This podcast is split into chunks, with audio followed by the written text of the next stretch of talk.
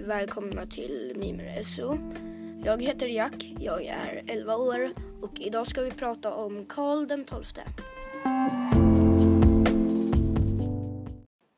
Men var Karl den XII då?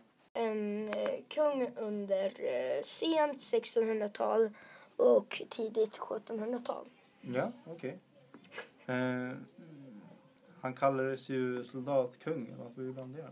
Men det var ju för att han, eh, han gillade ju att kriga. Han eh, var ju ute och krigade mycket. Speciellt under eh, vad heter det, Nordiska kriget som började på 1700. Jaha, vilka, vilka länder var med där då? I det kriget? Där så var ju, vad heter det, det var ju Sverige då. Och så var det um, Danmark, Ryssland. Det är de som det var. Ja. Ehm, ja, var han, eh, när han var ute och krigade då?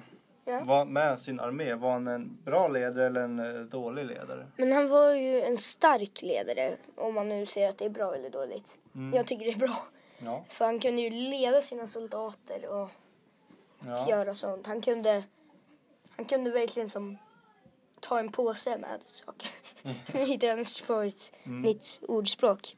Hans, eh, han och sin armé, de gick ju till eh, olika länder. De gick ju väldigt mycket, alltså när de var ute och krigade. Så Ja, vad, vilka, till vilka Men de länder gick ju från eh, Sverige till tysk-romerska riket. De gick, de var säkert i Danmark också någon gång men ja, Mm. är säkert. Eh, De var i Polen, de var nere i Ungern, de var ända längst ner i Turkiet. Och så de, var de vid Poltava i Ryssland. Mm. Och så var de, eh, ja, de var i Revalo, nej Reval heter det. Eh, I Estland.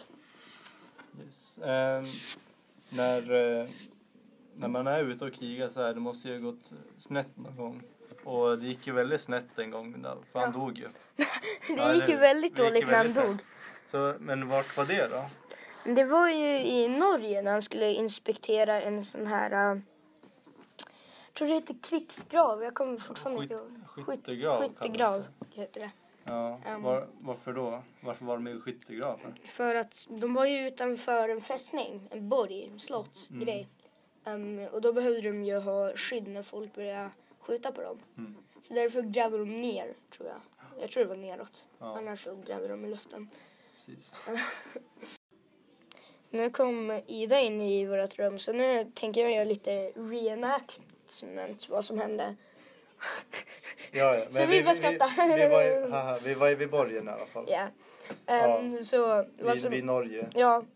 Så Ja. då tror jag att vi var typ på... De hade Ja, grävt vad gjorde han skyttegravar. där? Ja, vad gjorde Mm, han där? Precis. Han, ja, okej. Ja. Mm. Det som hände då, där var ju då att han skulle inspektera gravarna. Ja. Ehm, och så blev han skjuten i huvudet, rakt i skallen. Pannan tror jag. Ju. Ja, Det såg ut som det var på sidan av huvudet. Ja, sidan av huvudet, pannan. Mm, men eh, man vet inte vem som sköt han eller vet man? Nej, man gör inte det. Nähä. Det är det som är problemet. För annars skulle man rycka ut och försöka döda honom. Jag antar det. ja.